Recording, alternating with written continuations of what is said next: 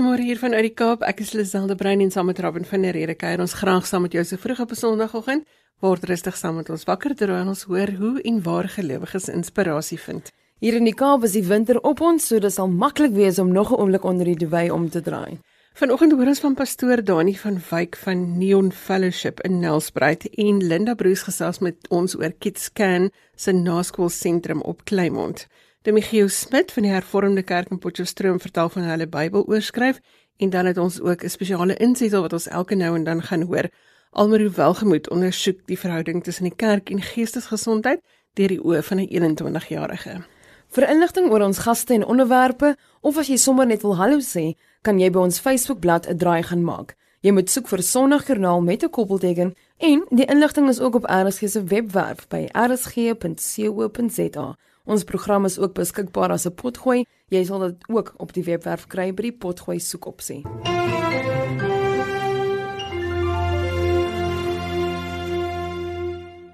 Demichiel Smit van die Hervormde Kerk Potchefstroom Suid het verlede jaar met ons gesels oor hulle projek om die Bybel met die hand oor te skryf.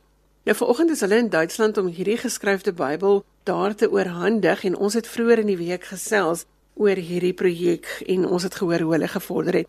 Goeiemôre Giel. Goeiemôre Giel. Skets net weer vir ons die agtergrond van die projekte waaroor ons in 2018 gepraat het. Dan daar was twee projekte.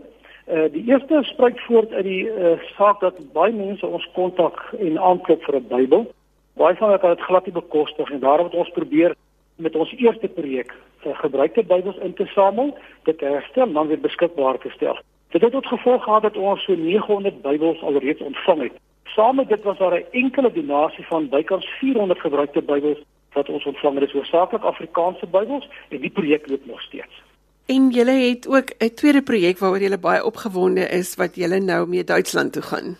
Ja man, baie dankie vir die geleentheid daaroor te kan praat. As aanvulling vir die Bybeljaar van 2017 het die gemeente besluit om te kyk of hulle die Bybel in 24 uur kan oorskryf. 'n Groep lidmate het die projek gereël en dit baie wyd geadverteer. Die gedagte was om die gemeente bymekaar te bring rondom die saak, maar om ook ander gelowiges in te trek by die projek. Daar was gesprek oor RSG en op daardie gelede het 'n klomp mense landwyd aan die projek kom deelneem het. En hoe het die projekte afgeloop? Man, op Saterdag 4 Augustus uh, 2018 het ons op uh, 6 voormiddag met die projek begin. Hier was mense uit Wommerstad, Swartberg, Johannesburg, Klerksdorp en die meeste mense was van Potchefstroom. Dit was 'n groep uit heelwat kerkgenootskappe. Daar het ongeveer 400 skrywers daaraan deelgeneem. Die jongste was 8 en die oudste was omtrent 90 jaar oud. Hierdie taak is eers die donderdagmiddag om 2 uur afgehandel toe die Bybel gereed was om gebind te word. Hierdie handgeskrewe Bybel word nou op Saterdag 4 Mei 2019 aan die bestuur van die Lutherhuis Museum in Wittenberg, Duitsland oorhandig om deel te vorm van die wêreldbekende uitstalling oor die werk en lewe van Martin Luther. Hulle was aangenaam verras om te hoor van die inisiatief vir die suidpunt van Afrika uit. Die handgeskrewe Bybel is op A3 grootte bladsye aan een kant geskryf. Die Bybel is in 4 dele gebind en weeg ongeveer 20 kg alles saam. Daar is ook afskrifte van die handgeskrewe Bybel A3 weerskante en A4 weerskante gedruk grootte beskikbaar. Daar word beplan om na 5 jaar die Bybel by die Bybelmuseum in Washington oor te plaas waar dit weer na Potchefstroom toe sal terugkom. Gio, as ek kan vra, wat was julle belewenis by hierdie skryfgeleentheid? Dit het 'n gemeenskap bymekaar getrek. Weet jy, ehm um, verseker, ek kan jou verseker daar het geen skrywer onaangeraak daar uitgestap nie. Dit was regtig vir ons 'n geesvervulde geleentheid gewees as mens kyk die samewerking, die reaksie, die deelname. Ons het verskeie geleenthede gehoor waar mense sê ek het dit nou regtig nodig gehad. Ek party mense wat gewoon sê, "Jong, die deel was regtig vir my bedoel gewees." So julle is nou op pad Duitsland toe met die Bybel. Waarvan gaan dit deel word daar? In die Literatuur Museum in Wittenberg. Dit gaan deel word van die uitstalling daar, 'n baie groot uitstalling rondom die werk en die lewe van Martin Luther, uh, wat sy lewe en sy werk uitbeeld. Jy het nou genoem dat jy van die tweedehandse Bybels wat jy gekry het, dat jy hulle gerestoreer het. Is dit ook 'n taak wat die gemeente saam aangepak het of hoe het julle hierdie Bybels bymekaar gebring? Weet jy ons het op ons kerk se muur aan ons heining 'n manier aangebring wat ons gesê het uh, ons ons sou tweedehandse Bybels insamel en ons stel dit ook weer beskikbaar. En dit het 'n geweldige reaksie uitgelok. Ons het pamflette versprei in familie en vriende en by alle instansies waar ons kom het ons sê hierdie as die Bybels iewers rond lê in jou huis, bring dit vir ons as dit werk vir dit. En op die manier het ons 'n reuse klomp ingekry wat ons ook weer beskikbaar gestel het. Was daar baie werk aan die Bybels of kon jy hulle maar net gee vir mense wat hulle nodig gehad het? Nee, daar was heelwat werk aan die Bybels gewees. Maar dan ek ook vir sê werklik jy kan nie glo hier kom Bybels aan van 1000 rand. Dis 'n konkordansie, dis 'n Bybelwoordeboek wat nog nie oopgemaak is nie. Dis waarskynlik 'n Bybel wat iemand geskenk is. Die persoon is waarskynlik oorlede of ouer tuiste of kan nie meer lees nie. Hier het werklik baie baie kosbare goed hier by ons geland wat ons aan oordeelkundig beskikbaar gestel het vir mense wat daarmee wil werk. Ek wil 'n laaste woord van hartlike dank aan Sondag Joernaal gee vir die uitsending van die twee gesprekke en wat dit vir ons gehelp het om dit baie groot sukses te maak. Baie dankie. Geen nou sterkte met julle reis Duitsland toe. Ons hoop jy gaan bietjie vir ons later vertel wat alles daar gebeur het met die oorhandiging en uh, dankie ook dat julle op so 'n manier die gemeenskap bymekaar trek. Baie dankie Lisel. Ons het gehoor van Dominee Gio Smit wat op hierdie oomblik in Duitsland is om die geskrewe Bybel daar af te gee. Ons gaste se kontakdetail is op RSG se webwerf en dit is ook op Sondagjoernaal se Facebookblad. Die program is as 'n potgooi beskikbaar alles op RSG se webwerf by rsg.co.za. Goeiemôre, as jy sopas ingeskakel het. Jy luister na Sondagjoernaal en ons gesels geloof en godsdiens hier op RSG 100 tot 104 FM. Dankie vir die SMS'e. Ons reageer so gou ons kan. Linda Bruce is die bestuurder van KidsScan Naskool en Leersentrum op Kleinmond en ons hoor vanoggend wat hulle daar doen. Goeiemôre Linda.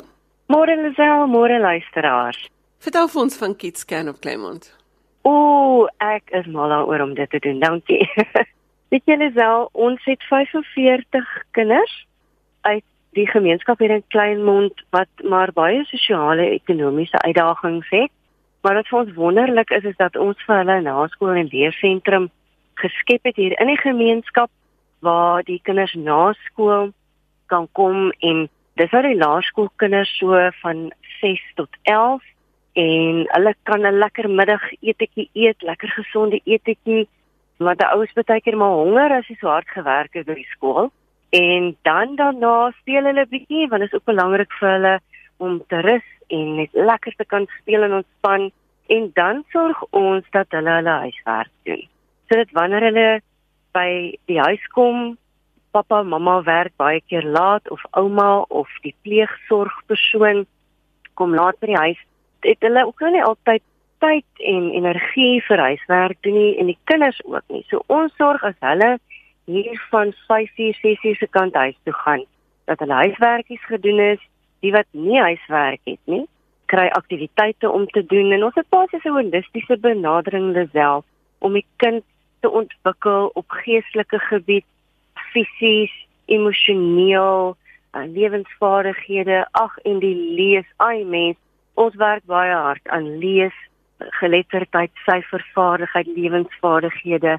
Ja, ons kinders toe te rus dat wanneer hulle by Kidscan weggaan, ons wil graag sien dat hulle matriek klaar maak. Ons wil hulle moet lief wees vir leer en dat hulle dan matriek klaar maak en dat hulle toegerus is vir 'n lewe wat soms maar baie uitdagend kan wees. Linda, en watter rol speel geloof in die werk wat jy doen? Ja, ongelooflik. Ek dink as 'n mens in 'n nuwensgewende omgewing werk, is geloof die fundament waarop 'n mens bou. Want ons kom ook agter, jy weet, mense hou maar vas aan hulle hardverdiende geld om verskillende redes, of dit nou 'n uh, onsekere politieke of ekonomiese omgewing is, maak ek nou nie saak nie, daar's verskillende redes. Jy weet, ons werk hard vir ons geld. Sommige mense het twee werke net om hulle gesinne aan die gang te hou en jy weet so ons ons moet absoluut op die Here vertrou en ons moet ook luister want hy het vir ons kreatiwiteit gegee en ons vra baie Here maar wat kan ons doen? Wat kan ons kreatief doen om vir mense ook via fondsinsameling jy weet goedjies te gee om te koop of geleenthede te skep waar hulle kan kom en wat hulle ook lekker opgeword of dit nou 'n lekker vroue oggend is vir die dames of ons het byvoorbeeld 'n uh, 'n uh, liefdadigheidswinkel waar mense regtig vir goedkoop baie keer goeie kwaliteit klere en allerlei dinge kan kry. Iemand het al vir ons nou pas 'n is dit 'n tuk tuk of 'n tak tak karretjie gegee om te verkoop. Dis soos ons voorsitter altyd sê, ons vertrou die Here dat ons nog enige huis gaan verkoop. So ons het groot drome want dit kos maar baie. Kos omtrent R1000 om die kind en dis op 'n redelike klein begroting elke kind uh, te versorg en ja, so ag weet jy kan ek een storie vertel Lisel net van hoe die plaaslike geloofsgemeenskap ons ondersteun het nou onlangs. Baie van die luisteraars sal onthou van die verskriklike brand wat ons in Januarie hier in Pringlebay, Betty's Bay gehad het, Kleinmond area. En um, want ek weet RSG het ook berig daaroor. Weet jy in die Rooms-Katolieke Kerk het tot die grond toe afgebrand. En hulle het vir ons pas 'n donasie gegee. Jy weet en en dit is 'n geloofsgemeenskap wat nou self weer hulle eie kerk moet opbou. Dis net vir my ongelooflik dat binne die geloofsgemeenskap en ook buite die geloofsgemeenskap. Ons het nou byvoorbeeld ons praat met ekonomiese ontwikkeling van die plaaslike munisipaliteit absoluut in geloof. Ons het hierdie visie om jong mense wat by die huis sit in ons gemeenskap sonder werk om hulle op te lei.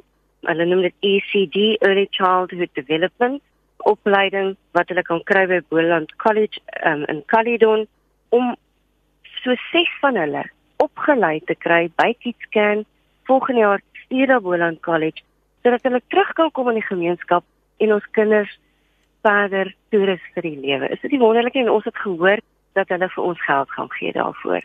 Ons het absoluut in geloof gedoen. Ek kan en ons het nie tyd om die hele storie te vertel nie, maar hoe die Here ons voorsitter met iemand van die munisipaliteit bymekaar gebring het. Ek wat 'n uh, voorlegging ingedien het, alles bymekaar gebring. Die Here is ongelooflik.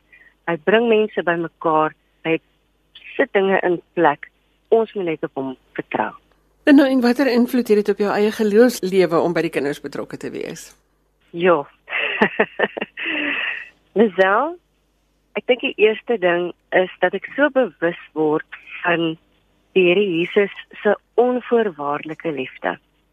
Want die kinders het soveel liefde wat hulle uitstraal en dit ten spyte van party van hulle wat regtig baie baie moeilike en soms in in gevaarlike omstandighede uh, of aan dit blootgestel word.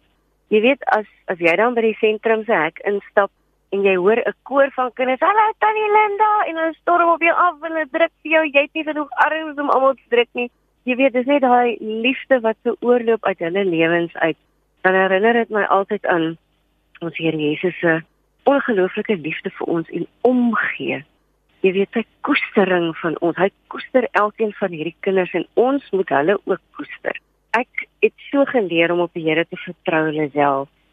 Ek kom ook uit die media wêreld en ek het baie op my eie krag staat gemaak. En ek dink nie dit is verkeerd om die vaardighede wat die Here vir ons gee en die geleenthede ten volle te gebruik nie, maar ek dink baie keer en dit was in my geval so het ek so daarop gesteun terwyl ek ook moes leer en nou het ek geleer om baie meer op die Here te vertrou, om in sy woord te bly, om dankie te sê nadat ek die behoeftes bekend gemaak het. So nee, ek sou sê ek verruil dit vir niks en niemand anders nie. Dis wonderlik om met die kinders te kan werk elke dag en die Here se nabyheid toe so te ervaar.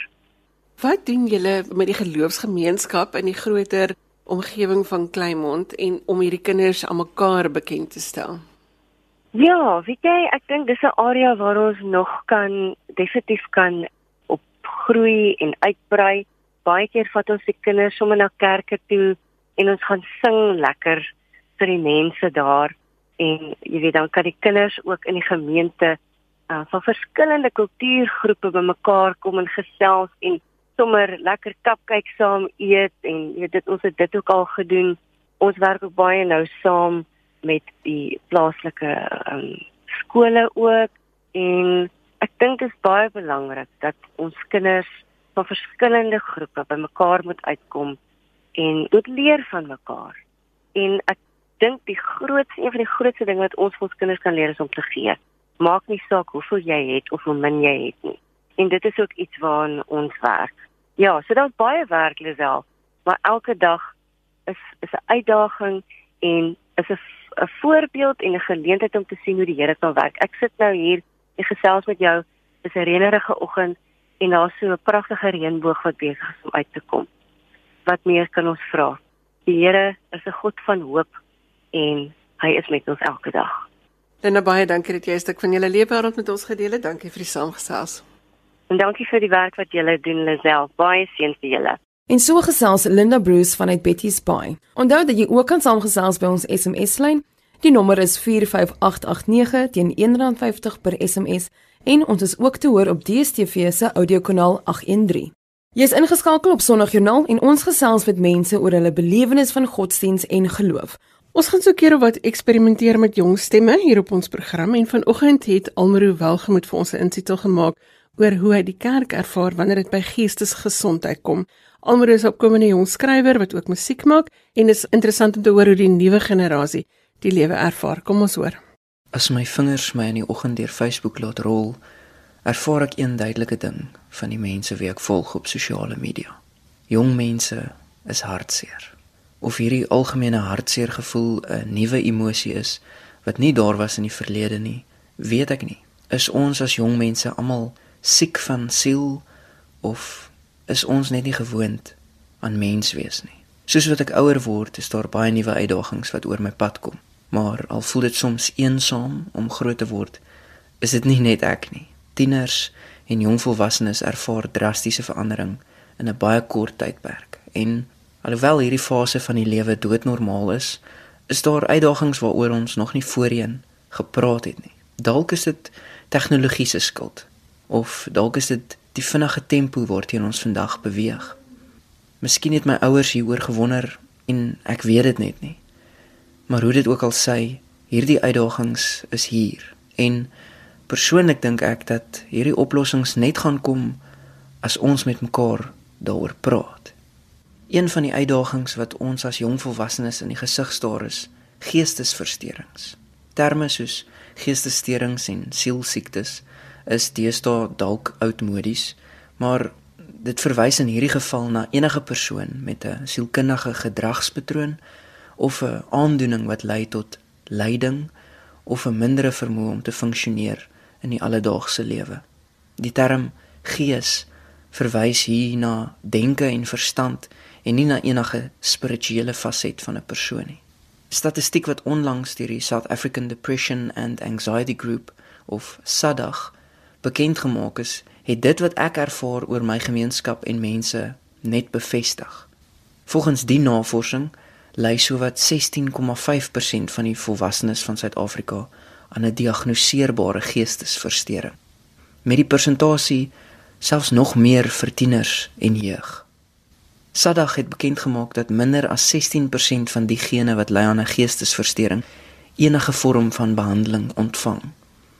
Die redes waarom mense huiwer om behandeling of hulp te kry verskil natuurlik van persoon tot persoon. As iemand wat self al moes vra vir hulp, weet ek dat dinge so stigma en stereotypes dit moeilik maak om hieroor te praat. Maar om langer stil te bly is op hierdie stadium nie meer vir ons 'n opsie nie. Die hoeveelheid jong mense wat na gemeenskapsleiers toe draai vir hulp is 'n teken van die erns van die probleem. Dominee Wynand Breitenberg van die NG gemeente Durbanville ken hierdie uitdagings van jong mense al te goed. Ek dink uit die pastorale gevalle wat ek uh, beleef en wat na my kant toe um, gewys word is maklik iets so 70% as ek sommer net so moet kyk na die laaste 2 weke van my werk geestesversteurings selfskending uh gevalle of gevalle wat spruit uit 'n plek van depressie net vanuit daai plek uit 'n groot groep jong mense, tieners en jong volwassenes wat ek ehm um, weekliks mee sit wat na my toe kom vir berading of vir een of ander sielkundige hulp. So ek dink reg oor die spektrum sien ons dat dit is 'n massiewe probleem en iets wat moet aangespreek word en kerke uh, kan 'n rol speel. Jong mense in my gemeenskap en omgewing rig nou hulle hoop op die kerk om te help met die hartseer en angs wat hulle ervaar. My vraag is: is die kerk gereed en voorberei om met die nodige kennis in te gryp? Volgens Dominee Breitenberg het hy self nie noodwendig genoegsame opleiding vir hierdie uitdaging gekry nie.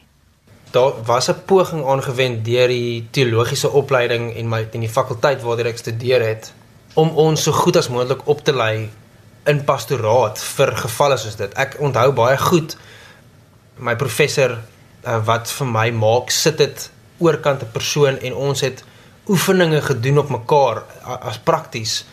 Maar jy loop nie met jou Kirai Vitae boek wat ons gekry het rond na jou volgende pastorale afspraak nie. Jy is daar. Ek dink nie ons het genoeg pastorale opleiding nie. Glad nie. Maar ek dink baie mense sal so voel veral as jy met die jonger dominees gaan praat. Op die groter organisasie vlak sal jy sal kan hoor dat mense sê nee, daar is genoeg ondersteuning vanuit die breër kerk uit. Maar op plaaslike vlak binne my eie gemeenskap, binne my eie kerk, verwys ek meeste van die tyd na sielkundiges in my dorp. Dis alwaarna ek kan verwys. Ek kan nie noodwendig verwys na iemand in my eh, voltydse beraader of 'n voltydse maatskaplike werker. Meeste kerke in ons land het nie daai leksiede nie. Ek weet in ons dorp is daar is het van die groter kerke daai fasiliteite dat ek kan verwys na my maatskaplike werker toe. Maar dit is nie die realiteit vir meeste van die kerke in ons land nie. Die kerk se siening oor geestesversteurings as geestelike kwessies kan soms ook verhoed dat lede van die gemeenskap na kerkleiers toe draai vir hulp of bystand. Tog weet ek ook van kerke en strukture in die kerk wat plek maak vir gesprekke oor geestesversteurings. My hulp is 'n webtuiste van die NG en VG Kerk wat 'n database bevat van moontlike instansies, sielkundiges, beraders en psigiaters wat kan help indien jy nie weet waar om hulp te kry nie. Die NG en VG Kerk het ook 'n bedieningsveldtog genaamd Diakonia wat baie hulp kan gee vir mense wat sukkel met geestesgesondheid. Hierdie bedieningsveldtog werk saam met ander instansies soos Hospe Vision om onder andere gemeentelede op te lei om mekaar te help in tye van nood en hartseer. Dr. Christo Tesnaar van die Universiteit van Stellenbosch is bewus van die uitdagings wat die kerk ervaar rondom geestesgesondheid. Maar hy is ook positief oor die bewegings en instellings in die kerk wat lei tot meer gesprekke rondom hierdie onderwerpe. Ek dink die kerk moet baie erns maak om seker te maak dat hulle spirituele kom ek gebruik die woord geestelike beraders in plek het om mense te help met hulle geestelike gesondheid of hulle geestelike welwees. Onlangs is die Raad vir Pastorale en en Geestelike Beraders gevorm, in Engels Council for Pastoral and Spiritual Counselors, waar alle mense wat in die geestelike of spirituele konteks werk, uh, geregistreer moet word by of En die term wat hulle dan gebruik binne in hierdie registrasie is dat jy dan kan registreer as 'n pastorale versorger. Nou 'n pastorale versorger is iemand wat dan kursusse gedoen het of wat spesialiseer op verskillende vlakke om mense wat worstel met spirituele welwees te kan bystaan. Nou binne hierdie uh binne hierdie raad um, is daar verskillende kategorieë van registrasie en die persone wat dan goeie opleiding het en wat goeie kliniese ervaring het, hulle is dan mense wat bekend staan as pastorale versorgers. En hulle rol is dan om ingestel te wees in die kerklike konteks op mense wat uh, worstel met geestesgesondheid. Ek dink dit is dis wonderlik dat daar so ruimte nou bestaan en dat die kerk gerus hulle beraders en hulle pastore en dominees moet motiveer om deel te vorm van daai raad sodat hulle meer formeel 'n rol in gemeentes kan speel om mense te help met geestesversteurings en dan ook met met spirituele welwees. Ek dink die die uitdaging is natuurlik dat die kerk hierdie ruimte so welkomend as moontlik moet skep dat dit 'n ruimte is waar mense nie bedreig voel nie, 'n ruimte is waar mense nie veroordeel word nie, 'n ruimte is waar mense met vrymoedigheid eerlik kan wees oor hulle worsteling met God of hulle gebrek daaraan dalk om God en hulle geestelike lewe te kan integreer met hulle ander lewe of as hulle worstel met ernstige vrae of met skuld of met angs of skaamte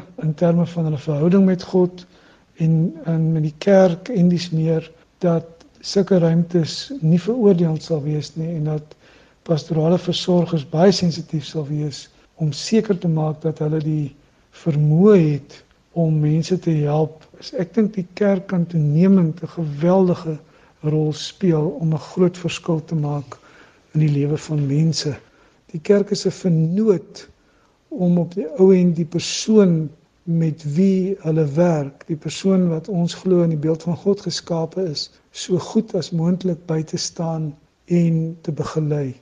Hoe min hierdie gesprekke dalk mag wees, is daar ten minste 'n poging om hieroor te praat in die kerk. Ja, die opleiding van jeugleiers en gemeenskapleiers rondom geestesgesondheid is belangrik, maar ook die bereidwilligheid om hieroor te praat en te luister, om te ondersteun, te versorg en te troos. En die kerk kan en behoort ook die ideale veilige hawe te wees vir die wat hulp benodig. Hierdie weet ek is waarheid. Die ding wat tot verbetering van die kerk en gemeenskap se verstaan van hierdie uitdaging sal lei, is nog altyd kommunikasie en gesprekke. My naam is Almro Welgemoot en ek is 21 jaar oud. Ek sukkel met angs en tye van oorweldigende moedeloosheid, maar ek is gelukkig genoeg om mense te hê wat my vang as hierdie dinge my laat val. Ek praat hieroor. Sal jy saamgesels? Dankie Almro Welgemoot vir jou saamstel van daardie insetsel oor die kerk en geestesgesondheid. Ons gesels graag saam oor hierdie onderwerp.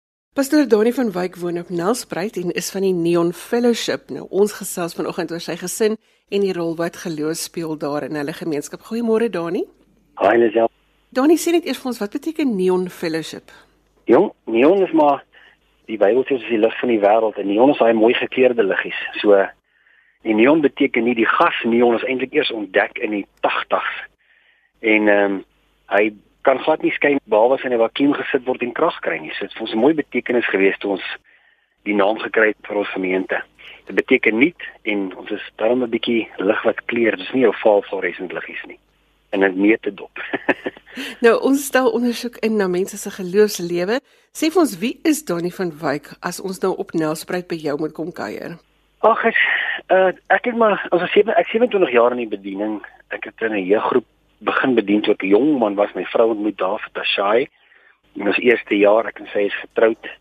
Sy is al 26 jaar voltyds saam in die bediening en ehm um, sy het 'n paar gemeentes geplant waarvan ons die langste eintlik op Palabora was. Ons 'n gemeente kom plant in Witrifuur en maar tragies het ons kerk afgebrand nou uh die einde laas jaar iemand onder 'n gasbottel laat ontplof en toe verloor ons die totale gebou met al sy inhoud en nou het ons ge hervestig het 'n stukkie grond hier buitekant Helfstreek. So begin alles weer van voor af. Maar dit is so, 'n uitdaging. Ons hoor nogal baie dat die kerke deesdae so afbrand. Ek wil baie graag 'n program maak oor die veiligheid van kerke en wat 'n mens maar moet op let want baie van die kerkgeboue is is nogal ouerige geboue. So ja, ja, vier gebeur maklik. Dani, julle het 'n dogtertjie aangeneem. Vertel vir ons van haar. Ons het twee dogters van ons eie.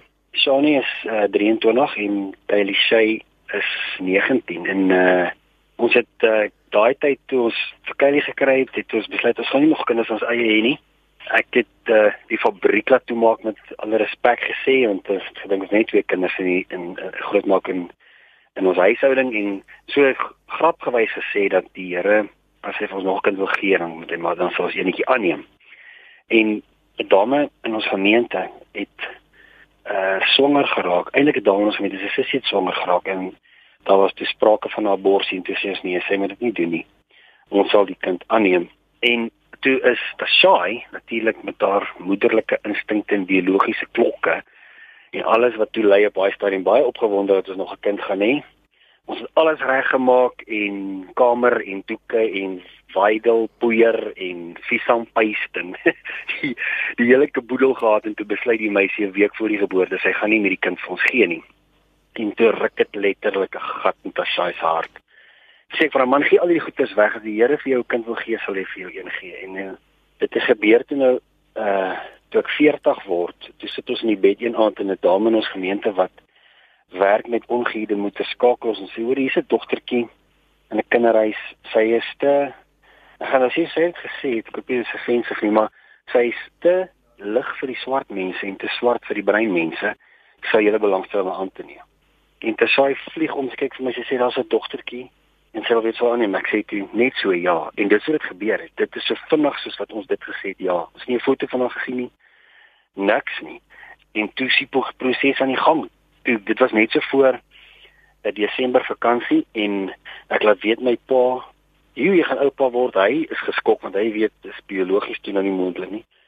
En toe ek die fotootjie vir hom stuur, natuurlik toe ons my foto kry, toe sien nou nie verskriklike liefde wat toe nou rondvlieg teenoor teenoor ons oor hierdie besluit nie want in 'n land waar daar um, soveel gebrokenheid is en uh, het daar soveel goed as ons kant langs gekom. Hoekom neem hulle nie 'n wit kind aan nie? Hoekom wil hulle 'n swart kind aanneem en en uh, ek hoop uh, dis ek kan dit dit nou op die program want ehm um, ek dink dit is 'n ding wat ons regtig in ons land nie sukkel is die feit dat uh, ons nie mense ons nie mekaar sien deur die Here se oë nie, maar ons ons val vir die plan van die vyand om na kleer te kyk en na kultuur te kyk en dan ehm um, bring dit soveel skeiding en gebrokenheid in ons land.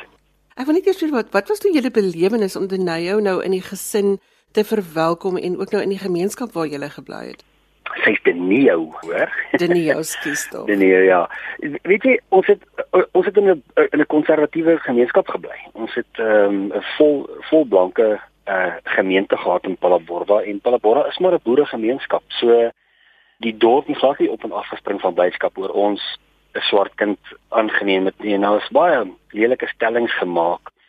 Die tannie by die kliniek het gesê ek trap dood en mense het gesê probeer julle Brad Pitt en Angelina weer probeer hulle nou 'n statement maak en allerlei lelike goeters wat 'n ou kan verwag in 'n seker maar 'n gemeenskap wat konservatief is en en ek het nie verwag dat ouens met oop arms gaan sê Oor dit is 'n awesome ding wat julle doen nie. Ons het nie net van die blanke gemeenskap af antagonisme gehad nie. Ons het van die swart gemeenskap ook af. Jy sal in 'n plek staan en kyk 'n swart vrou of 'n swart man jou aan as dan dink hulle jy raai kind gesteel en dan, dan baie van hulle het kort af en bombasties vra what are you doing with the child? As jy ons weer adopte dan dan vat dit 'n letterlike gesprek voor die voor die atmosfeer draai en hulle kan omdraai en sê um oh it, oh thank you it's a good thing that you've done Maar um, ek ek dink maar net omdat ons in 'n land groot word met met 'n ongemaklike politieke klimaat, het dit maar sy rol gespeel in mm. in die aannemingsproses. Danie, maar jy het 'n baie spesiale belewenis gehad met jou pa rondom haar koms. Jy het 'n kind aangeneem. En hoe het oupa toe nou sy kleinkind begin omarm? Dit het eintlik gebeur in dieselfde tyd wat ehm um, Daniel in ons lewe ingekom het. het het, het die Here in my begin praat oor geregtigheid en hoe die Here die mens sien. En die woord geregtigheid het ek ek toe al 16 jaar in die bediening en ek het nog nooit uh, regtig 'n uh, 'n definitiewe boodskap gebring oor die woord geregtigheid. Dit beteken dat God daai geskenk vir ons gegee dat die engel sê you are in right standing with God. Ons staan voor God en God sien ons nie vanuit 'n lens waar hy kwaad is en ons sien 'n sondaars nie. Hy sien ons uit 'n lens waar Jesus vir ons betaal het en dat ons kan deel in daai oorwinningslewe.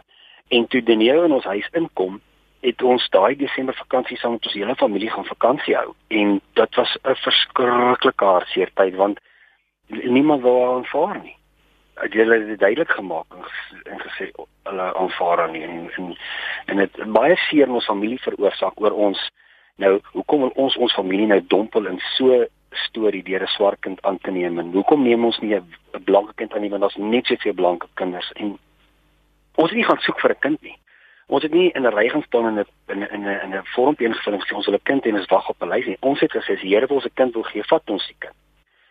En ehm um, dit het 'n baie baie baie seer in ons verhouding veroorsaak tussen my en my pa en en my ma en my skoonpa en my skoonma en ons hele familie was glad nie baie lief vir vir ons besluit nie. En ek het ek het ek onthou vir my pa gesê ek vra nie jou goedkeuring nie. Ek is 40, ek kan doen wat ek wil en uh dis een van die keuse jy aanvaar dit of jy aanvaar nie as jy dit nie aanvaar dan aanvaar jy my nie en as jy aanvaar aanvaar jy my.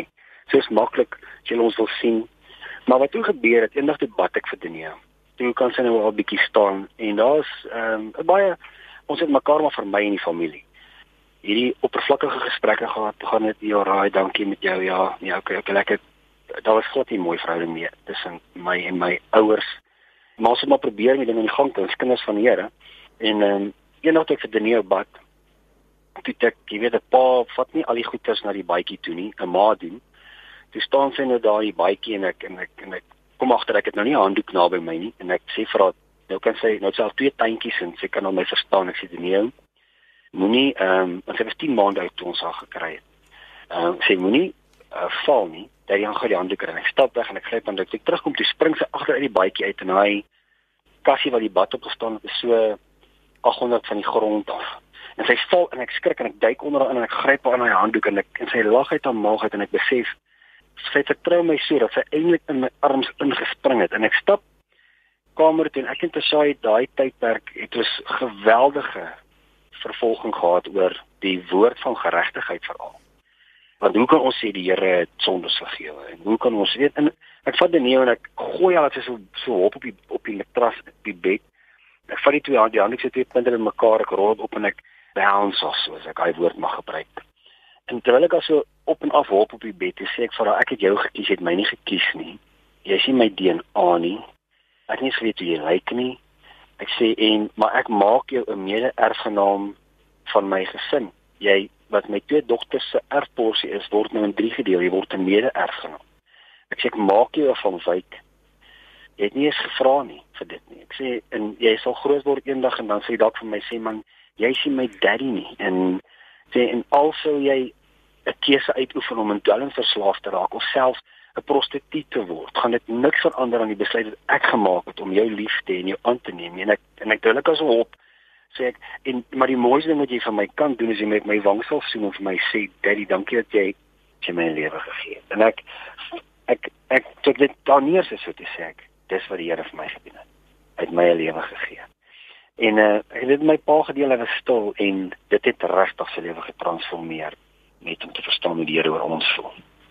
Kyk nie ek daai dag die eerste keer toe nou weer sien nadat hulle groot baie verskop het dat hulle ehm um, aangaan nie aanvaar nie en hy uit die stoet al my sê kom nou oupa toe ek toe chang ek en Tasai twee rye trane van 12 ag nee vet weet alleen ons moet nou ons moet nou veg om 'n kans te kry by oupa en ouma om uh, om 'n bietjie aandag te kan kry want dit is net Daniel voor en Daniel agter en alles gaan alles draai net om aan en dit is vir my 'n teken dat die Here regtig die vermoë het om iemand se hart te kan verander in opsigte van kultuur en kleur. Danie, dankie vir jou storie. Dit is my hartverwarmend om te weet dat 'n uh, oupa sy kleinkind omarm, maak nie saak waar sy vandaan kom en wie sy is nie. Ons het so baie aanneemkinders in ons lewe en dat ons hulle ja. net met omvou met liefde. Baie dankie dat jy jou storie met ons gedeel het.